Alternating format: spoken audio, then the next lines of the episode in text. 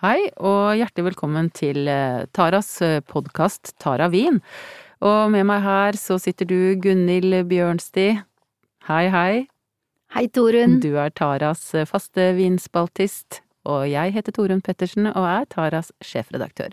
Sammen så prøver vi å formidle litt eh, kunnskap om vin, og særlig det er du som har kunnskapen, og jeg som, som spør og det kan ofte bli at jeg spør dumt, men det går bra, for sånn er det jo med vin, vi vet jo egentlig ikke så veldig, veldig mye. Men du, i dag er det altså sjømat det handler om, sjømat i mars, og du har gjort et utvalg som består av tre… Hva er det du har valgt? Vi reiser til eh, Portugal for å smake på en alvarinho. Vi drar til Frankrike for å smake på en muscadet.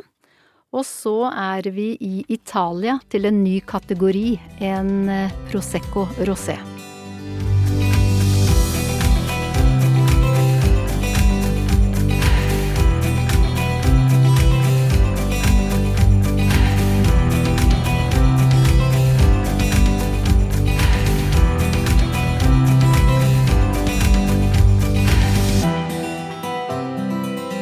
Men Gunhild, sjømat. Du har gitt meg et stikkord som er altså at sjømat er best i kaldt vann. Det er fordi at eh, fiskekjøtt og, eh, og skalldyrkjøtt det blir mye fastere når eh, det fanges fra et kaldt hav. Og det vil si at vi er inne i en veldig god sesong for sjømat? I Frankrike sier man at alle måneder som har R i seg er veldig god for sjømat. Og det burde vi også adoptere? Hvorfor ikke? Vi har mars, og her er det bare å kjøre på. Herlig, mars. Da er det altså tid for sjømat, og du, er du glad i det selv? Jeg spiser uh, hver uke et eller annet med laks, uh, kanskje noe kamskjell. Jeg er veldig, veldig glad i sjømat. Det er min favoritt. Så dette her, nå har du valgt virkelig med hjertet. Jeg er på hjemmebane. Herlig.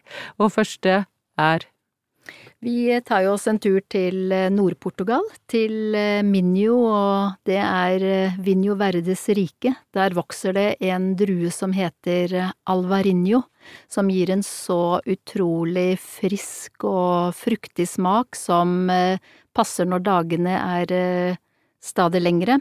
Det er litt smak av en vår i anmarsj. Er det en smak av Portugal, vil du si?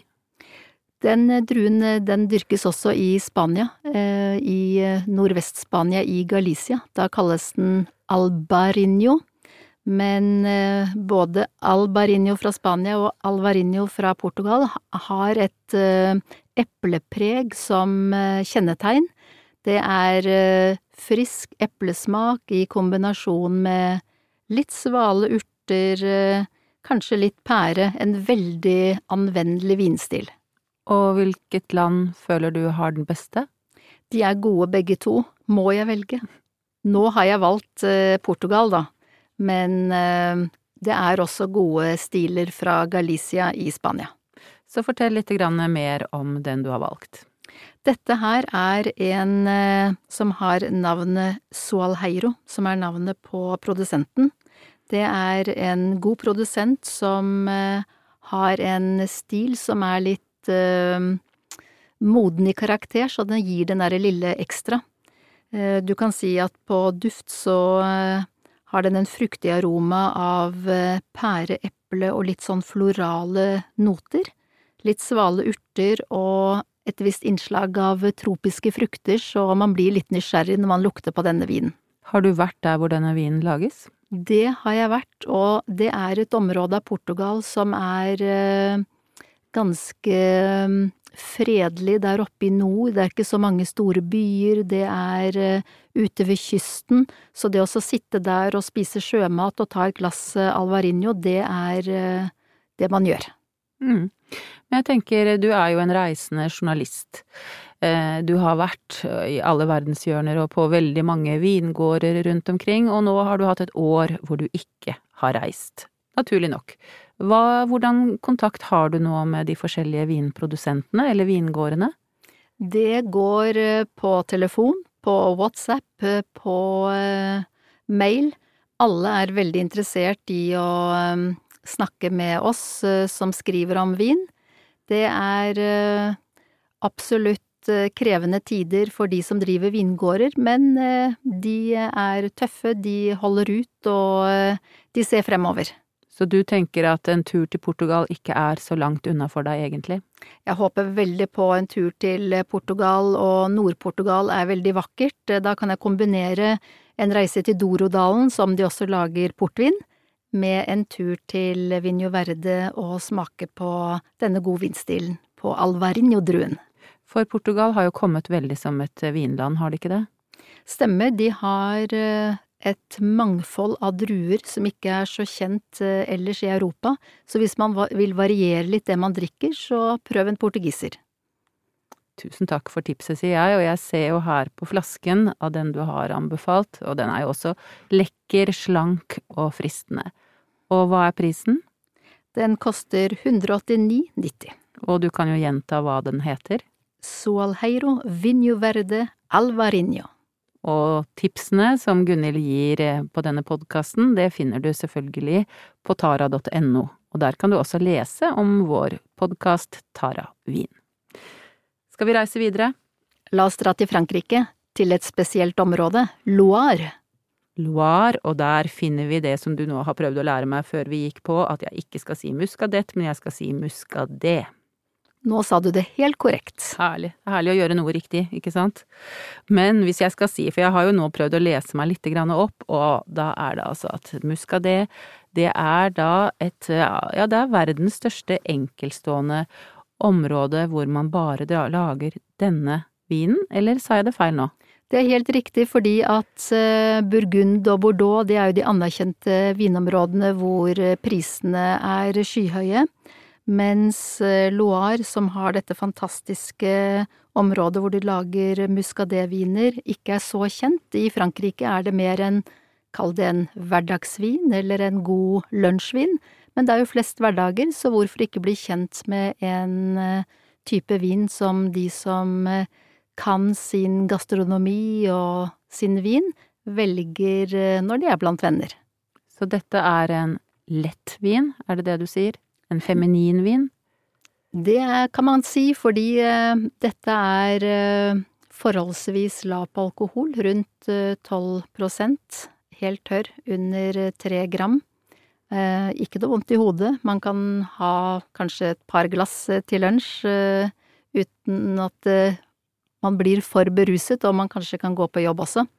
Men det er druen Melode Bourgogne som lager muscadet og denne varianten vi har her, eh, den heter Grand Fief, som også det står Syrli på etiketten, og det betyr at den er lagret litt på gjærcellene, og det gir samme effekt som champagne.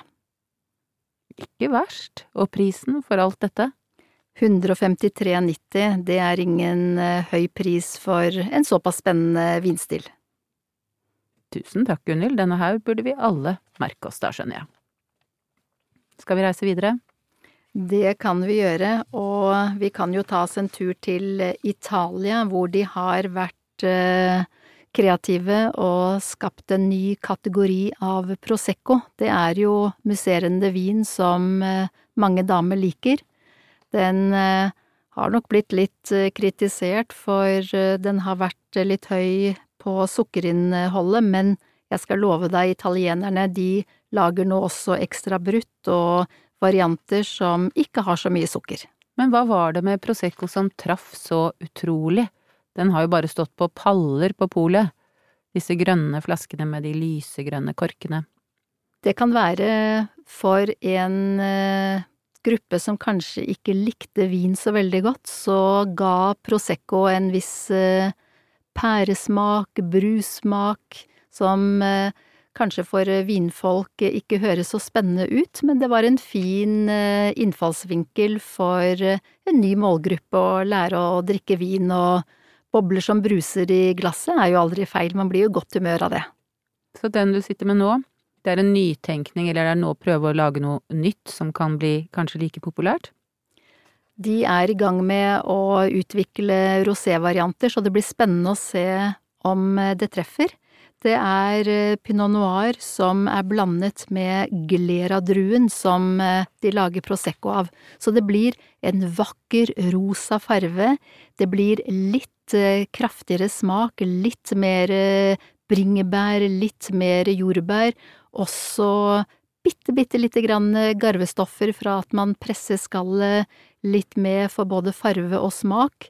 Så det er en fin aperitiffvin, men også til mat, kanskje til reker. Reker. Og da passer det jo veldig godt til temaet som vi har her i dag, men tenker du at eh, den er kommet for å bli, eller tror du at dette er et lite Blaff? Ja. Nei, det har kommet for å bli garantert. Det er fortsatt så mange som er glad i Prosecco, og de vil variere litt, så vi skal nok se en liten rosé-bølge fra Italia også på bobler, fordi eh, rosé-kategorien den vokser veldig i Norge, så Italia henger med i svingene der. Flasken er i hvert fall et syn, det må vi si, og den vil nok være lett å huske når du har tatt den med deg hjemme første gang.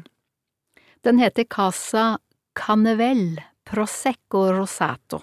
Så det gir en spennende opplevelse når dere popper korken og venninnene sitter og prater, og da har man jo nytt å prate om, nye smaker.